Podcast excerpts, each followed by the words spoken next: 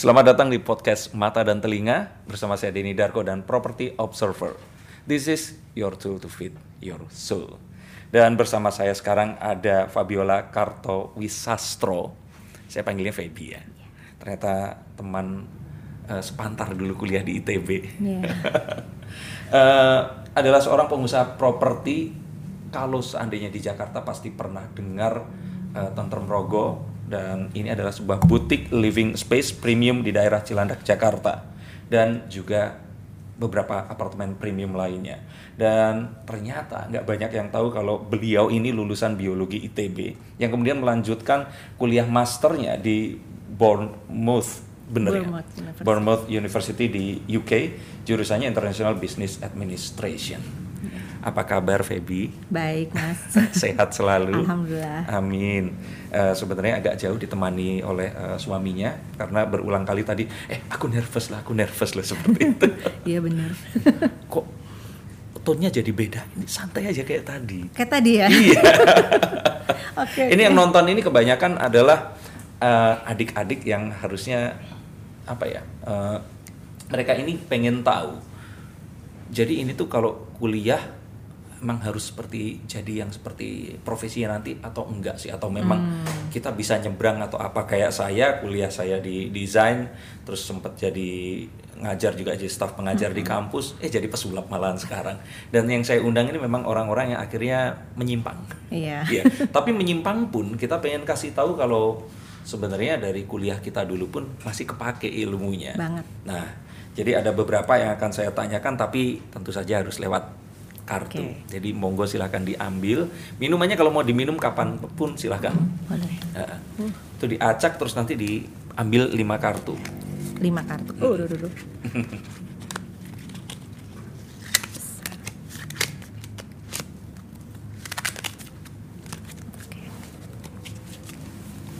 Ambil lima kartu. Lima kartu, bebas mau dari atas semua, dari tengah, dan yang dari bawah. Asal jangan dari rumah kartu keluarga nanti yang dibawa. Hidup itu ngacak. Iya. Mau yang mana dulu? Terserah. Yang bacakan? Oke. Jadi aku rutin begini saja. Oke. Ya. Jadi kartunya ada 78 dan setiap kartu memiliki arti yang berbeda. Oke. Tapi di seluruh dunia, misalkan kartu The Nine of Cups ini, artinya akan sama di mana-mana. Nah, Nine of Cups ini tentang keinginan yang sudah ya, satu harapan, keinginan, dan keinginannya kayaknya sudah full semua, tinggal kurang satu saja. Dan kalau saya pikir di sini dengan memiliki semua usaha ini, ini keinginannya kayak sudah ya kayak mimpi yang jadi nyata seperti itu. Tapi saya pengen tahu dulu, mimpi ini sebenarnya tentrem rogo ini buat seorang apalagi kuliah bisnis kalau nggak ada satu eh, kita kalau bikin satu bisnis baru itu kan lebih beresiko dibandingkan kalau kita mengikuti satu plan bisnis yang memang sudah Ada. proven sebelumnya. Nah, kok sampai nekat melakukan ini? Sebenarnya Tentrem Rogo itu terinspirasi dari apa? Oke, jadi memang kita waktu itu mulai tantrum rogo itu berawal dari sewa menyewain properti. Sewa menyewakan properti. Apartemen awalnya. Hmm. Jadi eh, waktu kita kuliah di Inggris Hmm. itu kan kita harus tinggal eh, Nggak nyewa. mungkin, ya nggak mungkin beli rumah di sana Iya, kan cuma buat kita kuliah. nyewa eh, nggak bisa ikut kayak teman-teman yang tinggal di dorm atau asrama. Karena suami gitu. istri. Karena suami istri. Akhirnya kita nyari rumah dan saat itu kan agak sulit tuh untuk dapetin rumah karena Iya. belum punya eh, bank account, belum punya tagihan listrik gitu. Akhirnya kita nemu ada salah satu agent itu yang mempermudah gitu, memper- Oke. mempermudah kita untuk ngedapetin tempat tinggal. Hmm. Sistem bayarannya kayak uang sekolah zaman waktu SMA gitu. Jadi setiap bulan datang Iya, bawa iya. kartu Iya, terus dia ha-ha. checklist gitu. Ternyata dia itu owner dari semua propertinya. Jadi bukan hanya agent.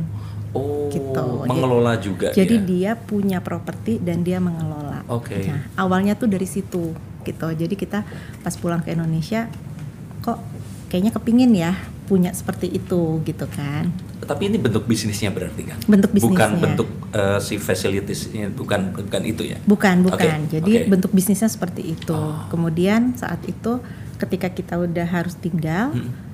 Kita butuh apa nih? Tempat tidur, apa dan sebagainya. Oke, lima menit kemudian datang satu truk gitu. Oh. Ternyata mereka sudah punya semua juga gitu. Oh. Dan wah luar biasa banget ya. Ah, Uh, Jadi dia memfasilitasi semua, membuat semua mudah lah gitu Iya, kan. iya.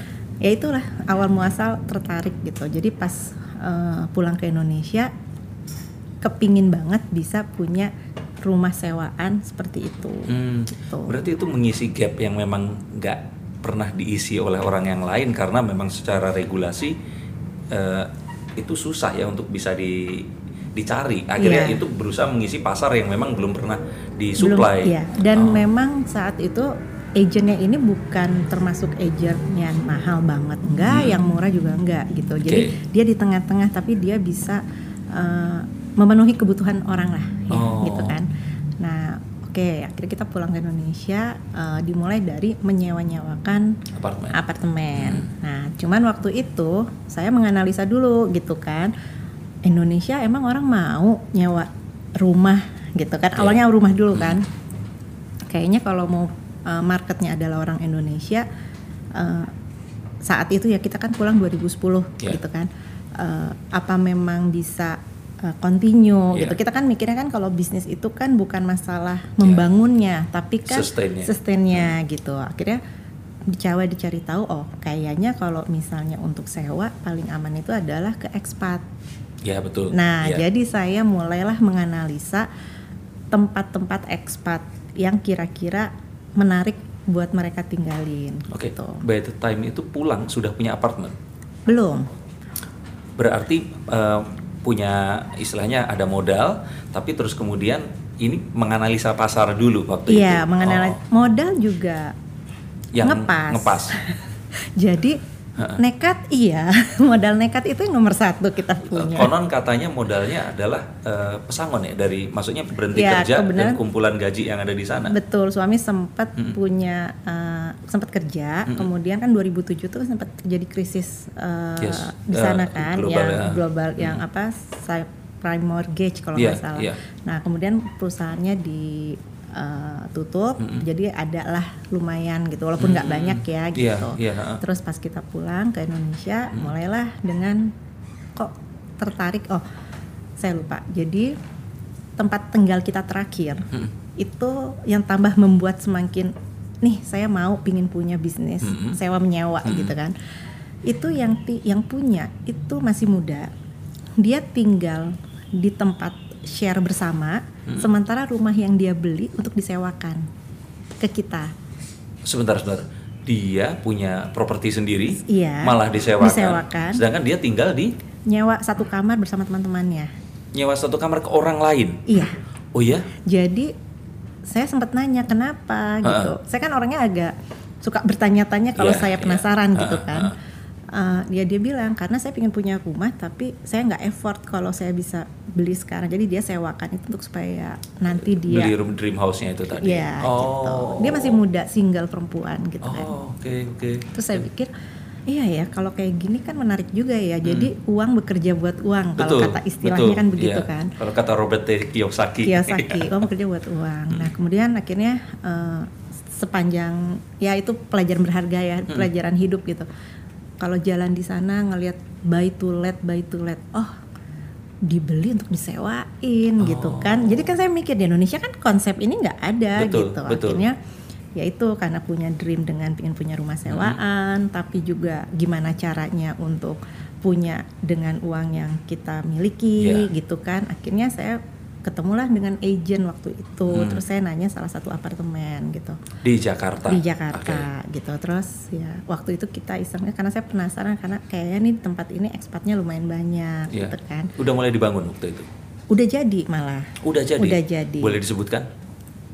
Eh, di Pakubuwono Nah, Paku Buwono itu kan udah orang mikir terkenal, wah ini. Iya. Iya. Nah saat itu eh, saya mikir gimana punya seharga gini ya Iya, gitu. Terus heeh. saya cuma pengen tahu aja pengen tahu kayak gimana sih apartemen yang dibilang Iya. uh, iya, menarik gitu iya. kan. ternyata pas saya ke sana saya dibilangin sama agennya Hmm. ibu kalau ma- eh, mbak kalau mau isi beli ini Hmm. ini udah ada yang mau tinggalin tiga tahun gitu saya pikir bluffing ya Iya, iya, iya. terus ah masa Karena maaf nih, orang kan mikir kalau lah kalau dia mau tinggal di situ dia kenapa nggak beli aja? betul Iya. gitu terus udahlah kita pulang gitu Hmm. kan. Seminggu kok kepikiran gitu ya. Eh, kok kayaknya menarik bener nggak ya? Iseng lah telepon lagi saya Hmm. gitu. Boleh lihat lagi nggak bawa orang bank gitu. Jadi saya pikir nggak ada salahnya kalau kita appraisal gitu. Iya. artinya kita pakai KPR Oke. Eh, kan katanya mau ada yang bayarin Ya. apa mau langsung dibayar tiga tahun gitu kan. Eh, coba dulu deh gitu. Bener nggak? Ternyata pas saya telepon unit yang kita lihat itu Laku. laku. Wih, 2010.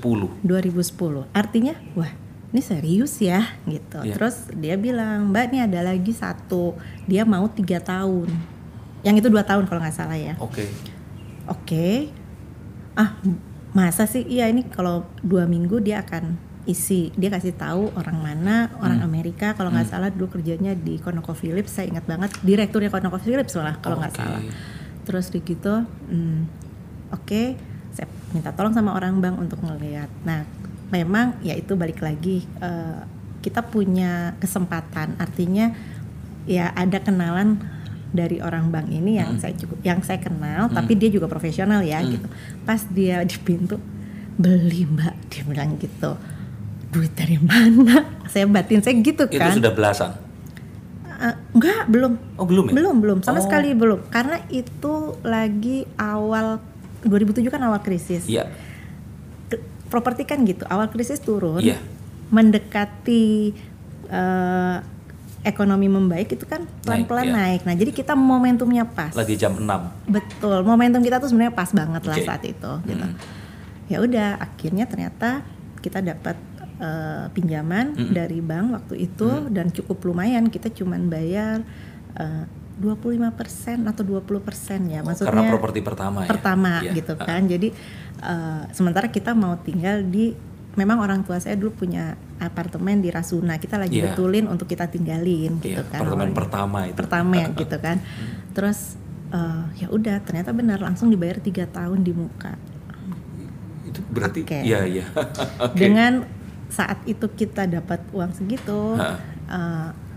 Karena kita harus tertib. Saya tahu bisnis itu kan Betul. bukan masalah mau sebesar apa, mau sekecil apa, tapi Pencatatan kita dan, harus ya, disiplin. tertib, Ya. disiplin Ya. gitu, terus harus hidup tetap sederhana Ya. gitu. Saya yang ada di kepala, kepala cuman mikir ini tiga tahun untuk bayar ke depan. Iya. Kalau misalnya Hmm. ada apa-apa, ini bisa eh, apa? Kita punya segala option lah, misalnya Ya. jual atau apa dan sebagainya. Dan waktu itu kita baru pulang kan soalnya dari Inggris. Iya. Eh, ya udah deh kita coba dulu deh gitu. Itu pakai namamu atau suami? Itu eh, kita kan punya kesepakatan ya. Hmm. Pinjaman nama suami, eh, tagihan nama suami, income saya. Kesepakatan semua wong Jowo kayaknya iya. itu. Iya. Kalau di Inggris kebalikannya. Oh, gitu ya? Tabungan nama suami, eh, billing nama saya. gitu. Nah, kemudian ya udah gitu. Akhirnya pas itu dibayar, Hmm. nah di situlah ketertiban itu dan mulailah dengan produk finansial. Jadi properti itu kan tidak lepas dari investasi Betul. gitu. Jadi eh, saya berpikir kalau misalnya ini bisa eh, berjalan dengan baik Mm-hmm. dan kita juga punya uang segitu kita investasikan dengan baik. Mm-hmm. Alhamdulillah waktu dulu kalau nggak salah tuh reksadana, eh, obligasi-obligasi negara, sukuk dan sebagainya itu semua lagi bagus-bagusnya Oke. gitu. Jadi momentum itu kita manfaatkan Iya. gitu. Nah ya udah jadi mulai awalnya di situ. Nah Hmm. lama-lama kita kebenaran setelah tahun keberapa kita punya lagi apartemen. Nah, tapi nah ini kan balik lagi ke Tante Rogo nih Hmm. gitu. Kok kayaknya selama ini kita semua ngikutin manajemen gitu Iya, ya karena kan? kan pengelolaan sama kita mereka. hanya cuman apakah senang punya rumah sewaan apartemen? Jujur senang. Hmm. Tapi kayaknya mulai nih tertantang. Kalau kita bisa punya create idea dari awal sampai akhir, kayaknya itu jauh lebih menyenangkan ya, Betul, gitu. betul. Nah akhirnya ide itu kita mulai dengan bikin kos-kosan. Oh, itu konsep itu diterapkan di kos-kosan dulu. berarti? Awalnya di kos-kosan dulu. Oke. Kos-kosan apa? Nah, kebenaran saya di Bandung punya tante yang cuma tinggal sendiri terus ya udah kita mulai dengan kos-kosan tante saya itu. Berarti rumahnya existing, sudah ada. Udah ada. Oke. Jadi waktu itu emang tante saya berminat untuk menjual gitu. Akhirnya ya udah deh gitu. Tapi tante saya kita kasih pavilion di situ. Oh, Oke. Awal kenapa saya mau kos-kosan mahasiswa dulu? Dulu tuh mikirnya gini. Oke, krisis. Kan kita ngalamin nih krisis 97. Iya. Kemudian ngalamin 2007. 2007, ya kan? Nah, sejelek-jeleknya krisis, orang tua kan tidak mungkin tidak membiayai anaknya kuliah. Betul. Itu yang pertama saya Iya. pikir. Jadi saya pikir nih harusnya anti krisis, Iya. ya kan? Jadi kita bikinlah Kos-kosan. kos-kosan mahasiswa dulu Di mana itu? di kebun bibit. Kebun bibit berapa kamar? Eh, ini 20 kamar. Berarti renovasi atau sudah? Sama di kita ratakan dulu kita bangun dari nol. Oh, Oke. Gitu. Dan Oke. saya memang nggak suka sama kos-kosan yang eh, gelap, Iya. kemudian antara jarak satu pintu dengan pintu Terlalu lain berdekatan. terlalu berdekatan gitu. Dan nah, ini pertama mulai saya bawa gaya Konsep itu tadi. konsep dari Inggris itu artinya Hmm. oh ini kan mahasiswa kita bikin kayak dorm deh gitu. Hmm. jadi ada beberapa tempat untuk belajar ada uh, kitchennya dibikin terbuka supaya Ada semua common orang bisa ya, ya. gitu kan Nah, mulailah dari situ kemudian setelah itu berjalan di 2015 yaitu 2015 2018 Hmm. dengan Tante Merogo ini kita mulai Hmm. dengan ke karyawan gitu kan maksudnya udah deh eh, mahasiswa udah punya nih gitu Iya. kan ya udah kita coba ke Karyawan. karyawan Oh. mulailah dengan si Tante Merogo ini Oh, gitu Oke. Jadi awalnya itu tadi dari Inggris, tapi bentuk bisnis. iya Terus eh, embrionya sebenarnya malah di kos-kosan itu tadi. di kos-kosan itu Ya? Oh, Oke. Nah kalau yang apartemen berarti ya disewakan mengikuti pola yang Aturan memang yang sudah ada. ada. saat ini. Oh tapi ya ini tadi. Jadi akhirnya kita tahu ini kan bukan satu khayalan yang cuman itu, tapi memang ya dicoba dulu. Iya. Kalau istilahnya dieksperimenkan dulu Iya, ya. Karena yang di kayak kayak untuk yang saya sempat deg-degan juga maksudnya siap nggak ya kita handle eh, kos-kosan dengan orang karakter orang yang banyak Berbeda-beda, ya iya. kan kemudian ng- nggak mudah karena kan eh, kalau nih anak biasa di rumah seperti ini diam di sini seperti eh, kok kayak di rumah gitu Iya. ya saya harus harus eh, bisa membuat suasana kos-kosan saya cuma bilang jadi pernah tuh ada anak nanya wah kayak di rumah ya sekarang gini kalian kuliah ke Bandung Hmm. itu kan karena harus Iya. artinya kalian akan tinggal di rumah ini bukan kemauan kalian tapi karena Betul. keharusan kalian kuliah di ITB istilahnya gitu karena Iya. di Bandung kan karena itu deket sama ITB jadi aturannya pun nggak akan saya bedain sama di rumah, Rumah, gitu betul. jadi saya lumayan agak strict dengan aturan sih Hmm. sebenarnya kalau kos-kosan yang di Bandung Iya. karena mahasiswa tanggung jawabnya kan sama orang tua Iya. Laki-laki perempuan. laki-laki Oh laki-laki. laki-laki. ya. Jadi kita menjaga itunya tanggung jawab. Nah, itu Hmm. ternyata proses belajar untuk ngurusin orang. Iya. Dan di waktu bersamaan sekaligus. Iya betul. Oke, Saya ambilkan kartu berikutnya. Tapi ini menarik karena wah, the page of coins. Kalau dilihat dari koin ini, Hmm. dia tentang finansial, tentang bagaimana kita mengatur uh, secara fisikal, Hmm. kesehatan dan semuanya. Jadi kalau dari sini, page ini adalah seorang pembelajar, seorang padawan, seorang yang mempelajari sesuatu.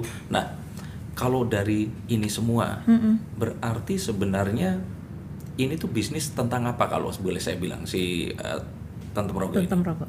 Jadi untuk semuanya adalah investasi, bisnis investasi menurut Jadi saya. kan kan ada orang bilang gini, uh, kalau orang bilang kalau McDonald's itu uh, bisnis F&B nggak benar sepenuhnya, Iya. karena uh, actually mereka ini real estate bisnis. Iya. Nah ini berarti sama sebenarnya. Sebenarnya investment ya.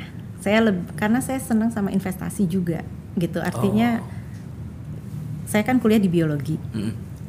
waktu itu tahun kedua saya ngerasa kayaknya ini bukan bidang saya Kenapa? gitu Em, susah ya nggak Eh, hafalan pertama kan terus begitu ya saya ngerasa struggling aja jujur saya kuliah Oh. satu itu saya ngerasa berat buat saya sebenarnya gitu Oke. kan nah terus begitu tapi saya lebih tertarik sama ekonomi Harusnya gitu jadi banker ya terus Nah, kuliahnya. akhirnya saya minta ke bapak saya boleh nggak kalau saya eh, pindah saya mau coba lagi tes Heeh. gitu kan Dikasih. ekonomi nggak dikasih Oh. sama guru besar teknik industri ini? nggak dikasih Oh. akhirnya di eh, dijadikan eh, ini apa namanya eh, dia seperti murid lah dia diceritakan gitu bahwa sebenarnya ilmu dasar itu berasal eh, ber- berawal semua dari ilmu dasar jadi seperti pesawat kerja be- kerja ekonomi itu kan semua dari ilmu Betul, dasar betul. gitu jadi ya lebih baik kamu ngam- tetap ambil itu sampai selesai kamu ambil eh, ilmu dasarnya gitu. Oh. Ca- pola berpikirnya Oke, gitu nah, tapi kan. setelah itu lebih ringan sekolahnya atau kayak ah papa bisa aja nih. Eh, ya sudahlah ya penting harus selesai hanya itu aja sih Oke. yang penting harus selesai gitu Tapi tepat waktu. Oh enggak enggak saya cukup struggling sih Oh. S1 saya saya cukup struggling Ah, mungkin karena karena saya kurang eh, passion kali ya dengan bidang dan saya juga bingung mau jadi apa Tapi gitu. sebenarnya nggak juga. Saya passion saya. Saya kuliah itu lulus tepat waktu sebelum DO. Eh, oke Tujuh ya tahun. itu saya juga itu Jadi itu bener-bener gelombang satu sebelum terakhir. Hmm. Tahun 2003. oke saya tahun berapa ya lulus ya 2000 2003 juga. akhir tapi yang, Akhir ya? yang ketiga ya Oh, berarti yang setelah saya. Tapi angkatannya kan memang lebih muda setahun kan? iya iya iya Tapi balik lagi, akhirnya memang setelah menyadari itu, eh, jadi memang bisnis ini itu tentang bisnis itu ya investment ya sebenarnya. Kalau saya sih merasanya adalah investment. Jadi karena saya pingin bikin bisnis, cuma Hmm. kan bisnis itu kan kayak yang gampang tapi nggak gampang Ya, ya, risk- gitu. iya, Resikonya kan hmm, besar benar, benar. gitu. Saya cuma mikir gini, bisnis apa Yang- yang, resikonya menurut saya Ya. kan menurut saya menurut orang kan akan berbeda Ya. gitu. Menurut saya resikonya Low risk, low risk. high income. Ya, gitu kan gitu. Nah, kalau misalnya di properti, Mm, saya kan beli aset betul, bisnis bonusnya betul, gitu betul. kan jadi waktu itu yang kita pikirin adalah oke saya ambil eh, properti ini Hmm. adalah sebagai bisnis yang kema walaupun terjadi eh, yang terjelek pun asetnya masih kita miliki gitu jadi Kalau- mulainya dari situ Ya, sih Saya juga mikirnya sama. Kalau properti itu eh, nggak bisa dicuri orang. ya Gimana mau nyurinya? Orang barangnya nancap ke bumi. Iya. sama paling eh, ini juga apa namanya mempengaruhi juga kejadian 2007 itu waktu Oh, kita di Inggris itu kan iya. waktu eh, krisis itu kan semua masalahnya adalah di kertas Oh, Ya betul. kan? Ya, semua masalahnya di kertas Iya, ya iya, kan? iya. jadi eh, saya setiap eh, hari ngelihat berita di sana tuh kan cukup agak Betul. tidak menyenangkan jadi saya Betul. mikir oke bisnis dan kemudian segala sesuatu yang harus bentuknya fisik Iya. gitu. Dan yang menarik fisik tapi bisa dibisnisin ya properti. Iya. Gitu. Kalau saya bilang itu bukan membuat kita kaya tapi eh, membuat kita tetap kaya karena ya nilainya akan terjaga Iya. itu tadi. Tapi balik lagi. Nah, dengan ini semua akhirnya memang apa yang dibayangkan dengan si Tentem Rogo ini betul seperti apa yang tadinya diharapkan. Atau Alham- malah exit the expectation gitu, melebihi. Alhamdulillah sesuai. Walaupun kita tetap ya namanya eh, Ada ups and down-nya. usaha itu pinginnya kalau one day buat lagi melengkapi Oh, iya. gitu. Jadi untuk saat ini Tentam Rogo sesuai gitu. Hmm. Tapi dengan berjalannya waktu kayaknya menarik ya kalau nanti bikin ada konsep begininya Oh. gitu. Di, disesuaikan dengan kebutuhan orang Ya, pastinya ya, kan ya. gitu. Tapi so far berarti apartemen itu masih ada Masih ada. di Paku Buwono, terus di Iya. Saya ada satu lagi di Residen 8. Oh Residence Iya, Area, oke. itu juga menarik gitu. Eh, pas kita punya baru selesai Ini bisa yang di Senayan kan? eh, Bukan. Senopati. Senopati. Oh iya betul. Iya. Ah. Dan saya waktu itu sudah kita mikir, pokoknya ketika ada orang yang tertarik, kita nggak mau ngasih harga mahal. Artinya gini, nggak mau jual mahal karena ketika eh, istilahnya kalau ada eh, kamar yang banyak, apartemen kosong banyak, Mm-mm. berarti kan kita nggak bisa menjadi Iya. sesuatu yang jual mahal Betul, gitu kan. betul. Artinya udah deh kita ngikutin pasar aja. Iya. ah. Beruntung lagi di saat itu yang mau orang Jepang lima tahun Oh. bayar di muka. Jadi ya tadi itu akhirnya saya beruntung beruntung sekali dan memang passionnya adalah investasi. Heeh. Jadi apa pun yang akhirnya saya pegang itu kita putarkan secara investment Ah. gitu. Jadi ya ya udah kita lakukan sendiri Ya. gitu kan makanya waktu itu nggak tertarik untuk kerja di orang karena kayaknya lebih pusing gue ngerjain yang punya gue sendiri deh gitu Iya. Bener, kan bener, bener, karena bener. ini kan ngerjainnya bukan cuman eh, satu hal tapi kita bikin sistem betul memang bikin ya. sistem sendiri dan Iya. harus tertib sendiri Iya. gitu kan sebenarnya malah kayak mini banking sendiri Tanpa uang yang sadar. masuk harus kita Betul. ini ya eh. dan saya alhamdulillah kita kan memang hubungannya sama bank semua tuh sama K- kayak KPR Hmm. Yes. gitu kan jadi saya sendiri kadang kalau ketemu sama orang bank kalau nawarin produk kalau kredit mau deh. Kalau nggak bukan kredit saya nggak mau. Saya suka bercandanya gitu kan gitu kan. Oh. artinya kalau misalnya dapat tempat baru lagi berarti kan saya bisa memutarkan lagi Bener, gitu jadi kan bener. eh, pola pikirnya begitu tapi ya orang kan ada pro dan kontra dengan properti gitu kan betul. gitu. Dan dan saya sih cuma berpikir adalah sebenarnya kan bukan masalah kita punya seberapa banyak. Ya seberapa bisa kita memaintain betul. mengelola dengan baik. Dan mengelola tuh bukan cuma mengelola propertinya Hmm. tapi agent. Ya saya harus mengelola agent Bener. saya harus mengelola penghuninya. Ya Nah, komunikasi dan trust itu yang saya pegang sama Oke. mereka gitu. Jadi saya jujur dari sekarang kita punya dua apartemen ini, saya agennya nggak ganti. Hmm. Jadi kalau misalnya ada agent kanan kiri, saya kasih ya udah coba telepon, aja agent yang ini karena menurut saya eh, lebih enak buat saya dan buat. Jadi kita kan sama-sama saling membutuhkan. ya ekosistemnya berarti memang di Betul. situ terus ya Betul, Ah. gitu. Jadi saya memang menjaga itunya. Nah, Iya. kemudian kayak misalnya ada kerusakan atau Hmm. apa gitu, minta tolong. Saya kan kita kan karena eh, bisnis itu kan pasti harus ada kos. Betul. Nah, jadi kan mungkin beberapa orang kalau dapat uang sewa, ya uang sewanya itu dipakai jalan-jalan, dipakai untuk beli mobil Nggak- lah nggak atau apa iya, gitu. ah. Nah, kalau saya tuh kita tuh udah tahu nih, ini pasti akan ada namanya eh, perbaikan. ada- Iya. Jadi ketika misalnya ada perbaikan-perbaikan kecil, Hmm. kita bisa langsung lakukan. Artinya kan Oh. kita memanjakan si penghuni. ya Nah, jadi nanti da- muter lagi mereka muter lagi nyaman nyaman dan Ah. dan penghuni itu kayak kayak eh, di apartemen yang tadi Pak Kubono itu Hmm. yang alhamdulillah akhirnya terbayar dari uang sewanya semua gitu kan. Itu dari kita punya 10 tahun kosong paling tiga bulan. Jadi kosong isi, kosong isi. Itu terus gitu. Gitu. Jadi agentnya sendiri sangat merekomendasikan kita karena kita juga dianggap cukup eh, berkomunikasi dengan baik ya, Iya. mudah gitu. Jadi ya buat kami sih senang-senang aja ya Oh. gitu.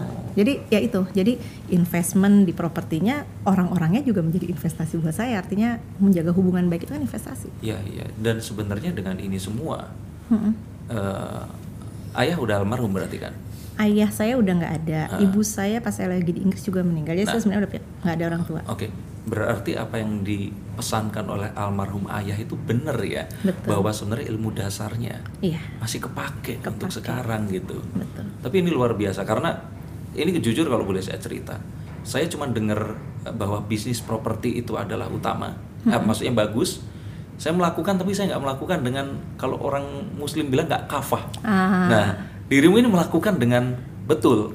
Akhirnya sekarang ini saya punya empat properti Mm-mm. Dan saya terseok-seok untuk itu tadi. Ah. Nah, eh, nah, eh, nanti kita ngobrol di luar Iya. ini, tapi akhirnya oh ternyata itu adalah kunci yang orang kan menganggap gini loh. Ah, orang punya properti itu kan paling dikasih sama orang tuanya. Nah, Hmm, kayak gitu iya, atau iya. ah paling dia dapat warisan terus Iya. kemudian ah orang selalu berpikir seperti Iya. itu. Padahal sebenarnya dengan satu sistem Mm-mm. yang itu kalau kita tertib itu akan bisa dikerjakan dan Kerjakan. bertambah terus. Betul. Dan kalau yang ngomong ini orang banking atau bankir kan kita kan berpikir ah, lu jualan nih. Iya. Tapi kalau ini datang dari seorang eh, yang masuk biologi tapi nggak mau membedah hewan ya kan. Terus sekolah di Inggris sampai akhirnya gara-gara krisis akhirnya pulang. Berarti kan memang ini ditur semua ya. Tapi Iya. akhirnya melakukan sesuatu dengan luar biasa gitu. Iya. Itu waktu kita pertama punya apartemen nih, Mm-mm. Belum punya mbak, belum punya apa. Mm-mm. Itu saya tuh bawa ember sendiri. Suami saya kan kerja, jadi Iya. suami tuh memang udah bilang kita pulang ke Indonesia. Ha-ha. Jadi setelah krisis itu kan Ha. sempat di PHK, Oke. kemudian dapat kerja lagi Ha. di GE Finance. Terus pingin pulang ke Indonesia karena kita udah nggak betah juga sih sebenarnya. Oh, gitu. Kenapa nggak betah? Sesimpel ini. Aduh, kalau di Indonesia tuh mau jualan apa pun, bakso Gampang. sekalipun nggak perlu nih ngurus-ngurus izinnya, sangat susah gitu kan. Artinya rumah sendiri itu memang jauh lebih enak Iya sih. gitu itu itu yang kita pikirin Iya. gitu terus tapi suami bilang oke kalau pulang ke Indonesia saya nggak mau kerja corporate lagi Oh. artinya kita mencoba dua tahun Iya. untuk coba dulu Yes, iya. kalau misalnya ternyata dua tahun istilahnya kita pulang ke sini kan balik lagi ke nol kan Iya. gitu kalau kita nggak bisa oke kita nyoba untuk corporate jadi Hmm. memang datang nyoba sana sini lah gitu kan maksudnya secara bisnis dulu Oh. Iya, ya gitu iya. nah jadi waktu itu suami kerja dia nyoba usaha sama teman-temannya juga Mm-mm. ya saya ngurusin ini jadi bawa ember sendiri ngepel sendiri gitu sebenarnya menarik sih gitu Iya. maksudnya nggak nggak semua orang mungkin akan mau melakukan Iya, itu gitu iya. jadi kalau misalnya saya disuruh cerita gini saya kadang ya lucu juga ya gitu Dan waktu itu nggak takut ya, takut kalau "Ah, jangan-jangan ini salah. Gimana kalau ini nggak works? eh nggak tahu tuh ya feelingnya tuh kuat gitu Oh. kayak oke ini kayaknya bisa deh gitu bisa gitu gitu nggak tahu feeling aja sih kayak ini Makanya dan aja jalan kalau misalkan terus mungkin kalau itu back then tuh umur berapa waktu itu berarti? 28? nggak nggak dua sembilan tiga puluh 29 30? ya dua tiga puluhan Anak-anak sekarang umur 29 30 dengan seperti itu terus buka Instagram lihat teman-temannya yang udah vacation ke mana dengan Iya. gaji mereka dengan ini itu kan ngapain gue sekarang ngepelin apartemen yang nanti ditempatin bule gitu kan Iya, terus dibayar tiga tahun Nah, lagi makanya. gitu kan. Ya, itu yang kita lakuin gitu. Akhirnya oke kita beli mobil gitu. Ini punya uang nih sebenarnya kan Iya. Ya bisa aja sih kalau mau enak-enakan ya, gitu kan. uh, BM seri berapa Apa? Iya. Suami saya milihnya adalah Avanza bekas. Terus dia nanya, bisa dikredit juga nggak? yang penting uangnya tuh muter dulu Iya, iya, gitu. iya, Jadi iya, I know. kita tuh mikir pokoknya nih uang harus muter. Gimana caranya? eh, kalau emang katanya uang bisa bekerja buat uang, Iya. harusnya bisa. Tapi kan artinya bukan berarti kita diam ya. Iya, iya, Ternyata iya. effortnya tuh besar banget Iya, gitu. iya. Harus harus siap di protes Iya. gitu kan itu kan nggak mudah sebenarnya Ya kalau kita diem ya masukin aja ke yang produk-produk finansial yang ada. Iya. Tapi kan dengan seperti ini kita bisa itu nggak tadi. challenging Iya. Oke oke. Berikutnya saya ambilkan kartu lagi. Nah ini kartu menarik.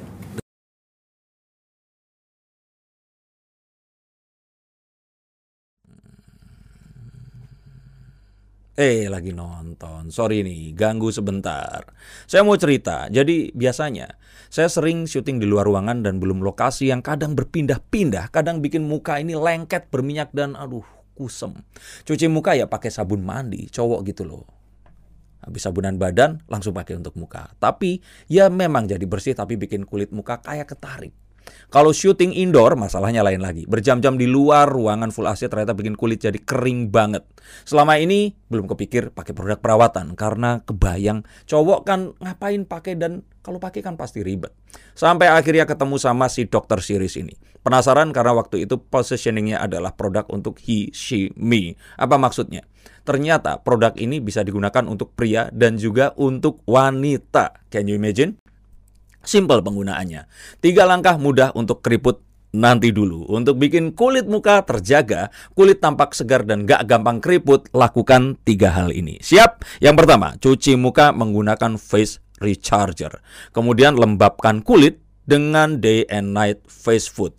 Praktis karena bisa buat krim pagi sekaligus untuk krim malam. Dan terakhir, nggak kalah penting, lindungi kulit dari sinar matahari dengan face shield.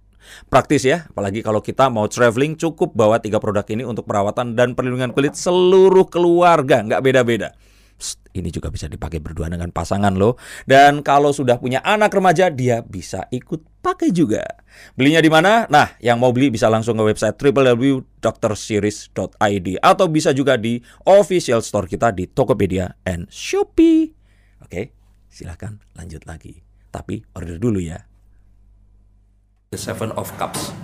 Saya pernah meramalkan kalau mau dilihat di YouTube itu ada kasus Gisela Anastasia menggunakan kartu ini. Heeh. Jadi sesuatu yang terlihat nggak seperti kenyataannya. Hmm. Sesuatu yang pas kita lakukan ternyata kita kaget Mm-mm. gitu. Dan ya ini banyak hal bisa positif, bisa negatif, bisa in between. Nah eh, berbicara tentang ini tadi tuh eh, setelah akhirnya buka ini tadi si tentrem rogo ini tadi apa ada malah munculnya itu apakah uh, obstacle atau malah kayak nah ini nih ternyata mimpi kita selama ini kejadian gitu Ya itu sih mimpi kita kejadian. kejadian Jadi ketika itu ketemu arsitek nih, Mm-mm. berawal ketemu arsitek. arsiteknya ini teman atau arsitek profesional yang oke Jadi saya mengenal dia secara profesional. Setelah ketemu ternyata saudara jauh. Oke. siapa namanya Cali, anak Unpar. Charlie teman saya seangkatan Iya. anaknya Pak eh, Eh, Siregar. iya. Iya. Ya itu Cali. oh Jadi sama Cali. oke Ternyata karakter kita berdua tuh sama. Artinya introvert. iya betul gitu kan. Heeh. eh ya udah kita cerita maunya bikin rumah yang tentang Rogo kenapa sih mau bikin rumah kayak tentang Rogo? Iya. Nah kita pinginnya pokoknya Cal ini tempat akan kita sewa-sewakan. Oke. Orang ini mau dari mana pun, Heeh. tapi ketika ada di sini ketemu sama eh, teman-temannya atau Hmm. eh, sharing house kan namanya sharing house ya Mm, gitu kan, Eh, itu tetap ngerasa kayak keluarga oh pertama itu itu tujuan jadi secara ada filosofinya kali ya Hmm. buat kita gitu Hmm. kan rumah itu satu itu kedua nih kalau orang yang bekerja di kantoran Hmm. gitu kan eh, mereka kan kerja dari apartemen dari gedung ya pulang macet Mm. kalau tinggal di apartemen Ketemu gedung gedung, lagi. lagi. gitu saya tuh ngerasa kok kayaknya orang-orang tuh nggak punya quality of life ya artinya kerja karena tuntutan sampai rumah hanya cuma tinggal tidur ya gitu mereka kapan menikmatinya Iya. ya untuk orang yang bisa menikmati karena rumahnya dekat Hmm. dari kantornya Hmm. wah itu privilege sekali gitu Iya, kan iya. Nah, akhirnya kita bawa konsep itu jadi Oh. gimana caranya orang bisa menikmati tinggal di landed house tapi rasa di rumah? apartemen pernah ke rumah Cali Pernah, rumah papanya iya. oke itu kan kalau kita lihat lihat dari luar itu kayak rumah hobbits yang itu Iya, atapnya iya. nah dan kebetulan memang ya beliau ini seorang um, residential arsitek yang terkenal banget Iya, gitu. betul profesor iya juga. jadi memang pas banget kalau Cali yang ngedesain. Oh dulu aku ngelihat double. Oh. pernah di Unpar juga arsitektur. Oh pantas. Jadi dua tahun saya kuliahnya itu dua. Ah-ah. Heeh, di ITB sama di Unpar. IPK 4 Weh. di ITB 1,8 di Unpar 2,1 Amin. kan ya kumulatifnya dua ini juga dong akhirnya saya pamit dari Unpar ngulang lagi dari yang ITB itu makanya lulusnya tepat waktu Oh, oke, sebelum gitu. DO tadi Iya, jadi Nah. eh, rumah ini memang kita berbicara lah sama Cali, maunya Hmm. tuh konsepnya begini. dia ngedesain sendiri atau sama istrinya seperti setahu saya sih sendiri, tapi kayaknya mungkin berdua ya. Mungkin berdua Itu ya. saya nggak tahu juga ya. gitu. Jadi kita ketemu sama Cali tuh untuk ngebahas itu. Akhirnya, Hmm. oke konsepnya sudah dapet, terus udah gitu ada tambahan buat kita. Sama kalau nanti kita tua, gitu kan. Hmm. Kalau memang kita Bisa kita mau tempatin. tempatin situ kan lumayan teman-teman juga bisa tinggal jadi kita sharing billing. oh Jadi pokoknya ngebayangin kalau bisa bikin rumah yang ya ya memudahkan kita di hari tua juga gitu kan. Awalnya sesimpel itu gitu loh. Awalnya Oke. sesimpel itu gitu kan. Terus begitu ya udah akhirnya ngobrol sama Cali. Yang Hmm. penting adalah eh, orang pulang ngerasa rumah, homey gitu Iya, kan. iya. Ya udah gitu. Terus akhirnya kita ah ini karena memang kita memang niatnya dari nol berarti Hmm. kita harus mulai bikin eh, brandingnya. Iya. Carilah temen yang memang kebenaran mengerti branding gitu. Oh. Jadi kenapa namanya Tentem Rogo yaitu memang kita memang serius untuk eh, oh ini mem- membuat. memang istilahnya eh, konsultasi juga dengan ahli branding Iya, kita konsultasi juga. Nah, biar gitu. tahu juga namanya siapa ini Namanya Oki. Oke ya, Iya. oke oke. Nah. Dan dia memang mengarahkan, memilihkan nama Iya. dan semuanya. Iya, ini cocoknya gini. Jadi saya bilang gimana ya? Nah, akhirnya tentrem rogo. Artinya kan masuk ke rumah itu tuh supaya merasa Ya. ya tentrem raganya, raganya, gitu. iya. Terus kenapa kita pilih nama tentrem rogo? Karena kita sempat mikirnya adalah kan kalau nama bule tuh orang bule biasa aja, tapi tentrem rogo kan kayaknya eye catching buat mereka Iya, gitu, iya. susah-susah lah gitu. Kan. ya udah. Rojo. Eh, ya udah ya awalnya tuh kita pikir adalah expat loh ininya eh, market kita Iya, awal marketnya. gitu kan dah terus eh, saya juga lihat lagi adalah kayaknya nih karakter eh, anak zaman sekarang kita kan bekerja udah sangat digital 2015 2016 lah ya Iya. itu semua udah sebenarnya udah digital udah udah sangat gampang lah gitu Iya. mau kerja di Indonesia kerjaannya dari Di Amerika US, ya, bisa, bisa. gitu kan jadi Ah.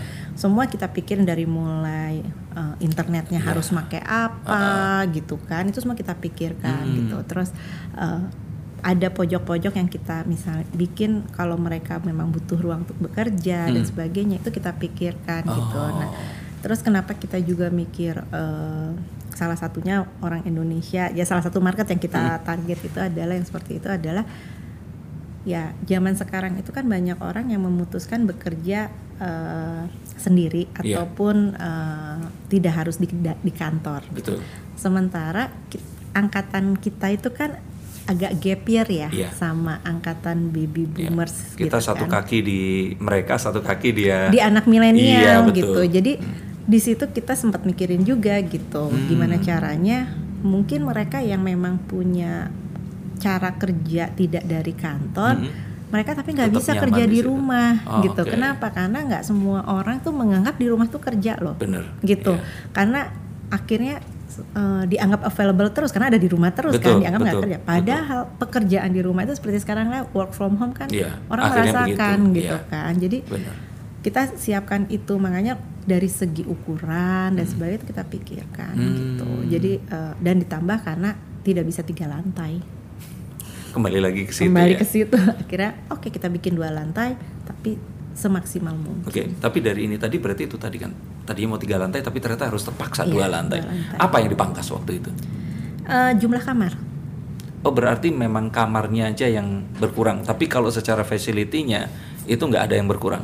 Eh, facility nggak berkurang kamar berkurang eh, tapi yang dulu asalnya kamar eh, lebih kecil lah ya istilahnya Hmm. Aku kan harus ngejual harga dan jumlah kamarnya harus sesuai. Artinya kalau Biar misalnya investasinya pas waktunya. Betul. Jadi istilah kata gini, kalau misalnya di 30 kamar Hmm. at- oh, sorry, 20 kamar itu kita bisa jual misal 5 juta per Iya, kamar ha. gitu. Berarti saya sekarang harus bikin eh, 8 kamar sampai 10 kamar harganya harus 10 juta Betul, gitu kan. iya. Itu kan harus dipikirin kan Iya, gitu. iya. Nah, akhirnya setelah dipikir oke ini yang harus berubah. Berarti size kamarnya yang kita perbaiki Hmm, gitu. Kar- kenapa? Karena untuk bisa menjual sesuai dengan harga eh, tadi itu eh, 9 sampai 10 sampai 10 10 jutaan, itu kan Iya, orang nggak mau kamar iya. yang kecil Betul, gitu. benar. Se- Kan pasti mereka mencari Membandingkan dengan yang betul. facility Nah, yang sudah ada. Nah, di situlah baru mulai kita perbaiki Hmm. banyak hal. Jadi oke view-nya nanti harus bagaimana, Oh. rasa nikmatnya. Nah, kalau kamar dapat yang kecil tapi dia juga tidak kehilangan Ya. rasa eh, kamar yang seperti di bawah besar gitu. Misalnya kayak di Tentam Rogo nih, kamar yang di bawah kan lebih ada terasnya Iya, semua lebih mahal iya. misalnya. Kenapa yang di atas eh, nggak ada view-nya tapi kita kasih storage-nya banyak? Oh karena itu jadi ininya ya compensation Iya ya. gitu. Jadi kayak gitu-gitu ya kita kita buat. Jadi Iya. Ya ternyata alhamdulillah ya sama suami sama arsitek sama eh, si kontraktornya Hmm. ya kita berdiskusi Tapi perubahannya Bersama. ada waktu tim ini sudah form atau sebelum perubahan dari Ah. tiga ke dua. Udah dari awal. Oh, dari Karena awal kan ya? pertama kita ngajuin IMB dulu kan. Iya iya iya. Iya, iya. Jadi pas IMB tahu nggak bisa tiga lantai, langsung ditur ya berubah langsung ya? berubah, Ah. langsung switch gitu. Iya iya. Gitu. Tapi luar biasa.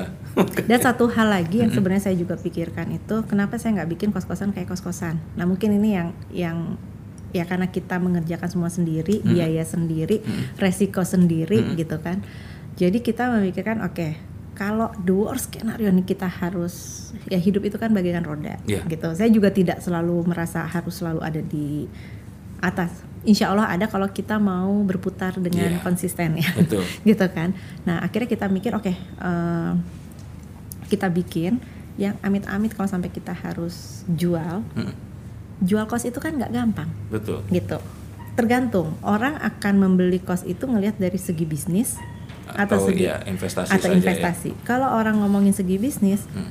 eh, orang pasti akan mencari yang untungnya sebesar-besarnya. Betul. Artinya gini, cara orang berpikir dengan bisnis kos itu kan eh, caranya adalah berapa eh, BEP-nya, berapa Betul. ini itu kan ketahuan kalau dia memang cara berpikirnya sangat bisnis banget Betul, gitu loh. betul. Hitung-hitungannya akan nggak akan Iya, sam- eh, iya. akan berbeda lah Iya. gitu. Nah, kita akan jauh lebih susah menjual kos-kosan yang kamarnya banyak empat lantai gitu kan dibandingkan dibandingkan yang seperti kita punya. Artinya kita bisa menjual seperti rumah ya gitu. di kafling Di kafling, Yes. artinya mereka sendiri pun mau jadiin rumah tinggal bisa Hmm. gitu kan.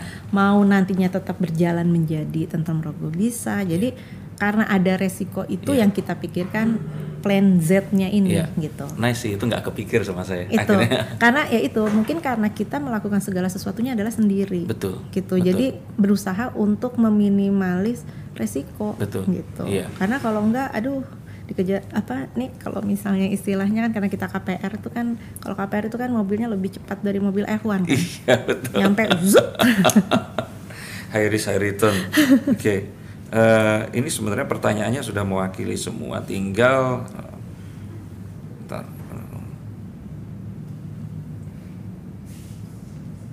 Oke, saya ambilkan kartu lagi. Sini. Nah, the six of coins. Seseorang yang terus kemudian memberikan satu eh, pasokan dana. Jadi seseorang yang dermawan memberikan bantuan dan terus kemudian orang ini bisa berdaya gitu. Jadi kalau seandainya tadi itu eh, orang masih menganggap kalau bisnis seperti ini tuh kan bisnis yang ya itu tadi ah, di- diwarisin oleh orang tua Iya. atau sesuatu yang kayaknya kalau mulai bisnis gini harus kaya dulu deh. Nggak mungkin bisa uh, mempelajari ini dari scratch gitu seperti itu.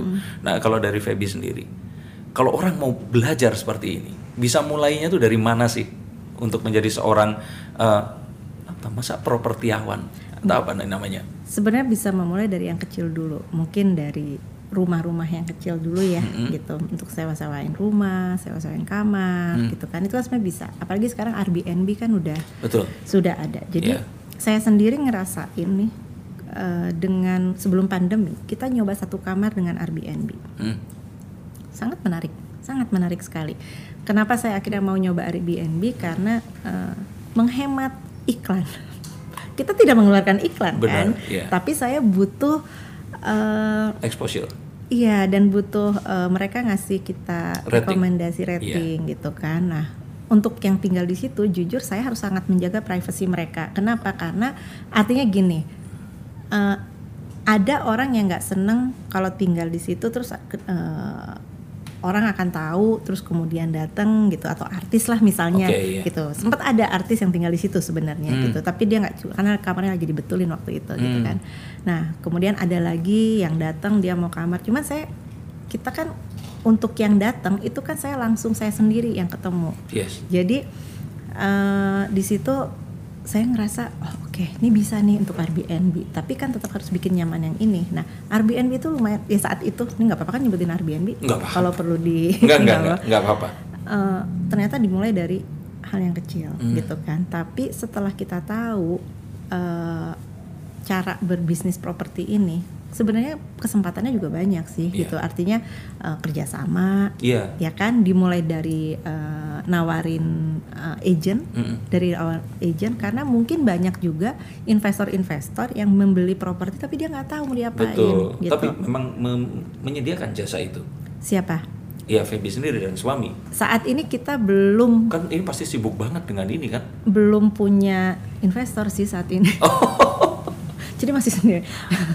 Enggak, Oke. tapi maksudnya eh, saya sih sebenarnya pingin sekali itu salah satu keinginan juga sih ya. One day bisa ada investor bisa bikin ya dream eh, tentrem rogo next misalnya Oke, berarti gitu kan. kalau ada yang punya properti yang eh, nganggur, nggak kepake dan tertarik dikasih, dengan boleh. konsep ini, oh dikasih. kasih desain. oh iya, itu boleh menghubungi ya. Iya. Oke, dan silakan nanti googling aja di Tentrem Rogo itu Iya. pasti akan ada kontaknya. Iya, karena menurut saya tuh dimulai dari hubungan eh, Trustnya itu trust tadi ya. itu. Iya. Karena kan yang kita harus jaga kan trustnya itu Benar, kan. Gitu. benar, benar. gitu dan dan menurut saya mulai dari situ sangat bisa kayak saya gitu Hmm. dengan kita ngebangun ini ilmu properti saya sama sekali nggak punya gitu kan awalnya kan Betul. Alhamdulillah ngelihat iklan ada mini MBA MBA BTN Bank BTN dengan SBM ITB Mini, MBA mini MBA. iya dari Bank BTN Ha-ha. dan SBM ITB. Itu apa artinya? Sekolah ini. Jadi kita ada kelas satu bulan setiap Oh, weekend ha-ha. itu mengenai properti. Oke. Jadi saya masuklah ke situ. Oh. Jadi ya saya mendigging banyak ilmu gitu Oh. kan, karena saya nggak kita nggak punya mentor, Iya, kita iya, benar-benar yang by doing, otodidak iya. gitu Mm-mm. kan, gitu. Jadi saya kenapa saya mengambil kelas-kelas seperti itu, Mm. gitu belajar itu karena saya pikir saya butuh ada eh, pernyataan bahwa apa yang telah saya lakukan ini udah benar. Oke. Iya. gitu tapi saya nggak tahu harus nanya sama siapa Iya, gitu iya, kan iya, gitu iya. jadi dari situ saya ikutan eh, mentoring itu dan ternyata Hmm. waktu saya ikut itu banyak sekali teman-teman yang eh, kalau bisa bekerja sama itu sebenarnya bisa membuat sesuatu Oh. gitu jadi ternyata untuk berbisnis itu kita ya harus bisa berkolaborasi kalau memang ya. bisa Hmm. gitu Oke. Ini satu hal yang tadi juga makanya orang kalau beranggapan seperti itu ternyata bukan nggak sepenuhnya benar salah ya bahwa ini bisa dipelajari. Bisa. dan benar-benar tanpa ya kalau orang bilang dibilang tanpa modal itu artinya kalau kita punya network ya sebenarnya itu Itu tanpa modal. modal. Iya, itu modalnya itu, Itu modal. tadi. Oke. gitu. oke. Network itu modal, kepercayaan itu modal, Iya, ya iya. kan gitu. Jadi sebenarnya ya kita kan selalu di- dihitungnya modal itu adalah uang. Kan? Iya. Gitu. Sama saya waktu itu pas lagi kita ngerjain Tante Merogo ini, Mm. duitnya kurang. Bagaimana harus melakukan? eh, dibilang kurang-kurang banget enggak sih? Oke, Tapi duit kurang maksudnya- itu karena ada cita-cita yang bertambah atau karena salah perhitungan? Enggak, enggak, enggak salah perhitungan. Tapi eh, misalnya waktu itu atapnya asalnya mau pakai apa, tapi setelah dipikir oke secara Ya, kos cita oh kira cita-cita nambah oh bagusan pakai ini gitu. Enggak, jadi secara kos oh mungkin nggak apa-apa dia lebih mahal, tapi dia Oh. lebih lama gitu. Oh, oke. Itu kan Iya, eh, iya, ada iya. perubahan-perubahan Iya, seperti itu gitu. Jadi memang kita juga punya punya prinsip rumah terserah nanti bentuknya seperti apa. Yang penting saya strukturnya bagus Oke. gitu. Jadi Ya. kalau dibilang rumah itu apa yang terlihat sekarang ini alhamdulillah misalnya bagus gitu ya. Tapi banyak barang-barang kita makanya bas- basic Hmm. bukan yang mahal Iya, gitu kan. iya. Karena itu kan untuk mengimbangi kos Situ, ya ya, gitu kan gitu. Hmm. Nah, ya itu jadi ki- akhirnya saya pikir oh balik lagi namanya properti Iya. gitu. Ada pertambahan nilai. Iya. Saya mempelajari banyak oh ternyata bisa top up kredit Oh, oke, gitu. iya. Top kredit untuk apa? Untuk pembiayaan berikutnya. Jadi itu itu semua kita pelajarin. Makanya jadi Oh. secara finansial saya mempelajari banyak, secara properti pun saya juga mempelajari. Makanya saya bilang apa investment Iya, gitu. betul. Buat saya ya gitu. Iya, iya, Tapi iya. saya tidak tidak eh, apa namanya? Ya ketika teman-teman misalnya ada yang nanya satu hal yang harus dilakuin. Pertama harus tertib Nah, itu tadi. tertib keuangan tuh harus banget gitu loh karena kalau misalnya enggak ya pasti bubar lah Tapi itu kan ilusi. Pas kita dapat duit sebesar itu gitu. iya Ya, apalagi kalau dibayarkan di depan semuanya. iya ya kebayangkan mas ya kalau kebenaran saya mas suami untung orangnya yang yang nggak terlalu ke bawah Iya. eh, egonya Ah, gitu. ah, jadi ah, kayak misalnya lagi 2012 lagi musim-musimnya orang traveling fair lah apa dan sebagainya kita enggak gitu. Sampai eh, ditanya gitu kan ada eh, kontraktor saya mbak nggak pergi nggak liburan gitu. Belum sanggup nanti aja kalau rumahnya udah beres udah ada, udah muter. Rasanya tuh itu buat saya tuh beban gitu lah jadi Iya. nah tapi jujur hal yang menyenangkan buat saya sekarang adalah ketika saya liburan saya sama suami tuh punya sepakatan gini kalau pesawat kita naik apa aja Hmm. gitu kan kelas ekonomi udah pasti karena kan nyampe nya sama buat Iya. kita tapi saya harus nginep di butik hotel Hmm, karena betul. pengalaman. tapi bukan selama libur butik hotel dua hari deh asal Iya. tahu aja karena saya mempelajari Sekolah. servis Iya. saya mempelajari servisnya gitu dan Ah. di negara-negara tertentu yang saya cari wah ternyata gini ya oh Iya. gini ya gitu Dan yang lebih luar biasa lagi adalah pas tiba gilirannya liburan, pekerjaannya tetap jalan.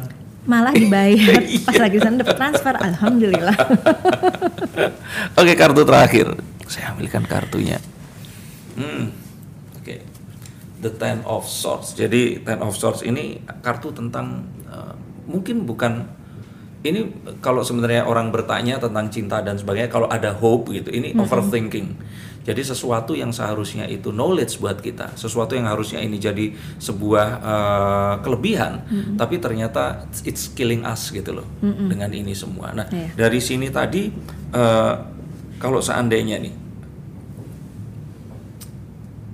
bisnis ini tadi tuh risikonya berarti kan mencari sesuatu yang risikonya rendah, Iya. tapi kalau dilakukan dengan tepat, ini ternyata returnnya sangat tinggi seperti Lumayan, itu. iya. Nah, ada nggak sih risiko yang lain yang uh, uncalculated terus tiba-tiba muncul seperti itu? SDM. Nah, ini tadi menarik.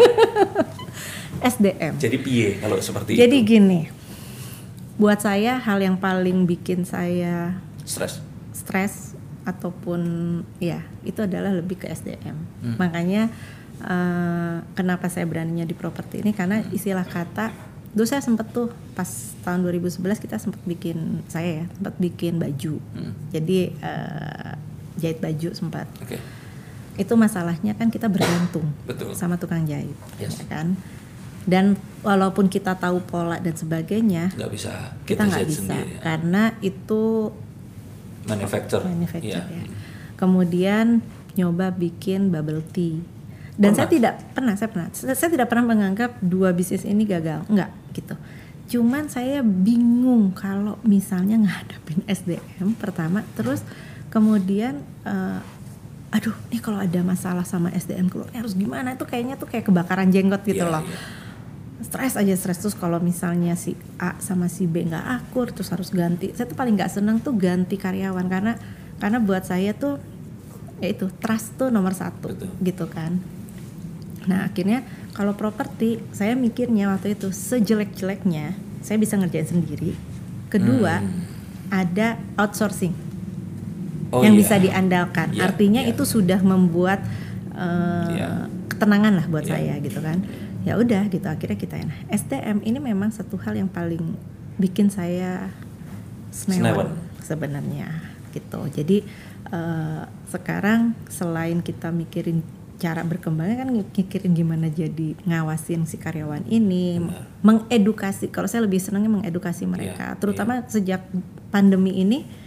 Ini kan sesuatu hal yang nggak mudah diterima sama semua orang Betul. dan saya harus memberitahu mereka sedetail mungkin Iya. gitu. Jadi kayak saya bilang terserah deh mau bosen bosen deh tapi kalian harus tahu kalian harus gini gini gini dan saya Iya. selalu bilang sama karyawan kalian jangan kerja sama saya hanya kawan karena keringat tapi setidaknya kalian harus punya ilmu Hmm. gitu jadi jujur yang paling saya khawatirkan dari semua adalah SDM. SDM. Iya.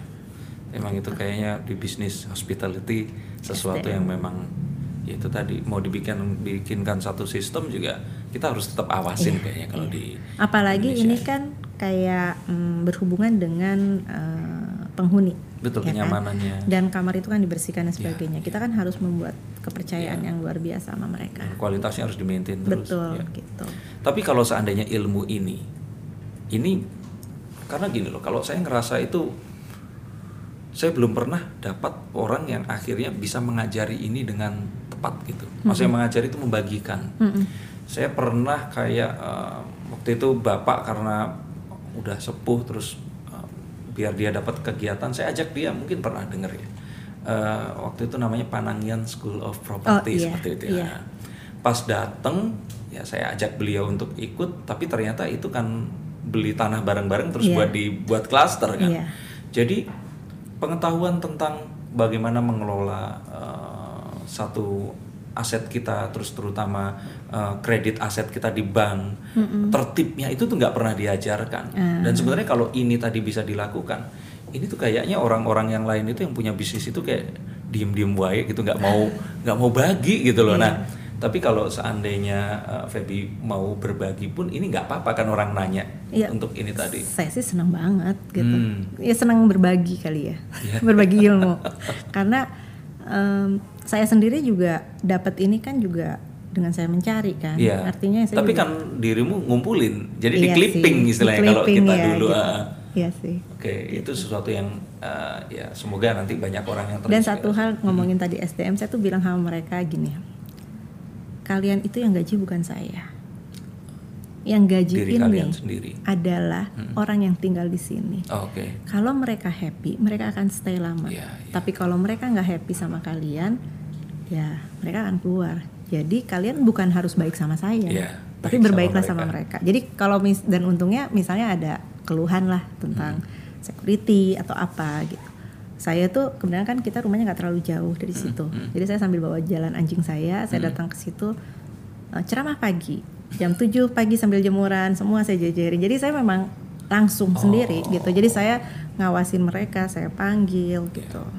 Gitu. Itu sih. Jadi ya menikmati sih sebenarnya. Jadi kalau eh, ini bisnis hotel, dirimu tuh ownernya, operator, GM, Semuanya.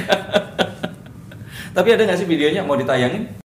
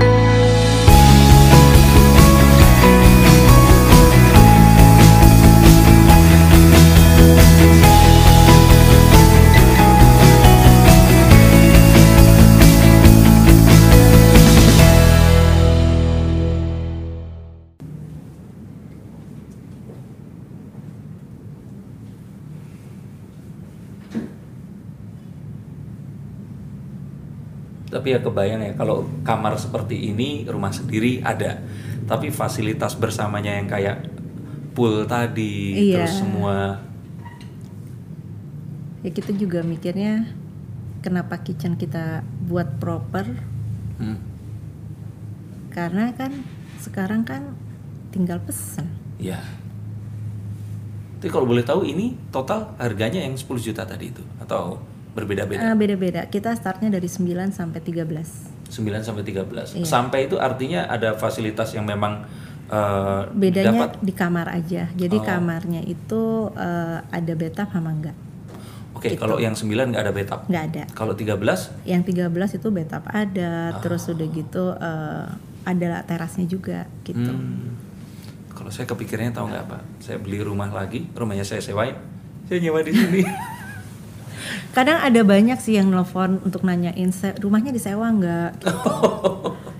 ya sebenarnya opsionalnya banyak sih ini. Ini yang sekarang menarik banget nih saya lagi sering banget dapat telepon adalah untuk wedding, foto buat wedding, foto buat tapi kita memang tidak terima karena Menjaga ini kan mereka. privacy Iya. dan uh, hunian. Jadi saya tetap akan keep dengan hunian. Tapi kalau permintaannya sebanyak itu, kenapa nggak bikin khusus Nah, memang itu. untuk itu, ya kan? Nah, itu. Yang belum ada itu kayak satu tempat untuk eh, garden party, terus tapi mereka nanti family-family yang nikah itu Iya.